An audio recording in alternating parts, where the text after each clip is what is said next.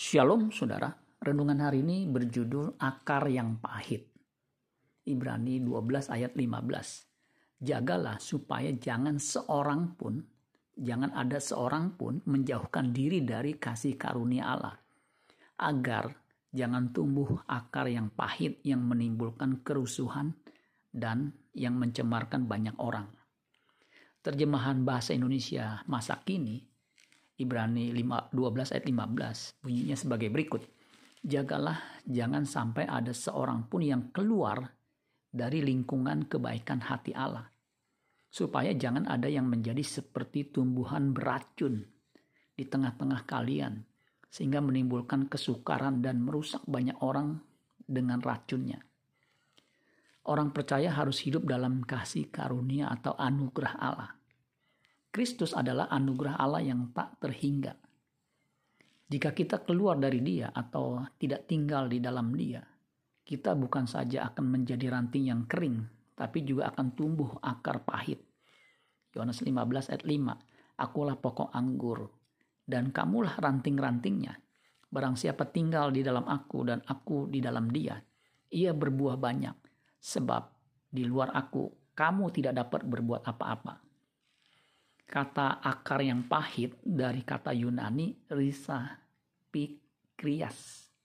Risa artinya root akar, shoot, tunas atau taruk, source, sumber. Pikrias artinya bitterness, kepahitan atau kegetiran. Harshness, kekerasan. An embittered, sesuatu yang menyakitkan atau menggetirkan. Secara hurufiah, akar yang pahit adalah tumbuh-tumbuhan ipuh yang mengandung racun. Ulangan 29 ayat 18. Ada satu komentar yang menjelaskan apa itu akar yang pahit. Akar yang pahit ini menunjuk kepada jiwa dan sikap yang ditandai oleh kebencian dan kemarahan yang mendalam. Di dalam ayat ini, yang dimaksudkan mungkin adalah sikap dendam yang hebat terhadap didikan Tuhan sebagai ganti dari kepatuhan yang rendah hati terhadap kehendaknya bagi kehidupan kita. Sikap kepahitan mungkin juga ditujukan kepada orang-orang tertentu di dalam gereja. Sikap seperti ini akan mencemarkan orang yang bersangkutan. Maksudnya, menjadikannya tidak layak menghampiri Allah dalam doa. Kepahitan di kalangan orang percaya dapat menyebar dan mencemarkan banyak orang sambil menghancurkan kekudusan yang tanpanya tak seorang pun dapat melihat Allah.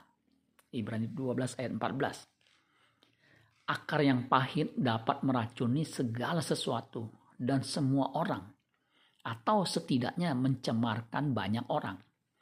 Akar pahit ini menyebar bagaikan penyakit menular di kalangan orang-orang percaya. Perhatikan bahwa akar pahit ini menyebabkan rusaknya keselarasan hubungan baik di antara orang percaya sebab satu orang di antaranya terkena akar pahit ini.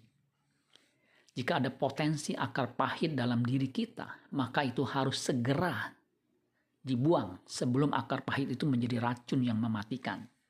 Efesus 4 ayat 31, segala kepahitan, kegeraman, kemarahan, pertikaian, dan fitnah hendaklah dibuang dari antara kamu demikian pula segala kejahatan. Amin buat firman Tuhan. Tuhan Yesus memberkati. Sola Gracia.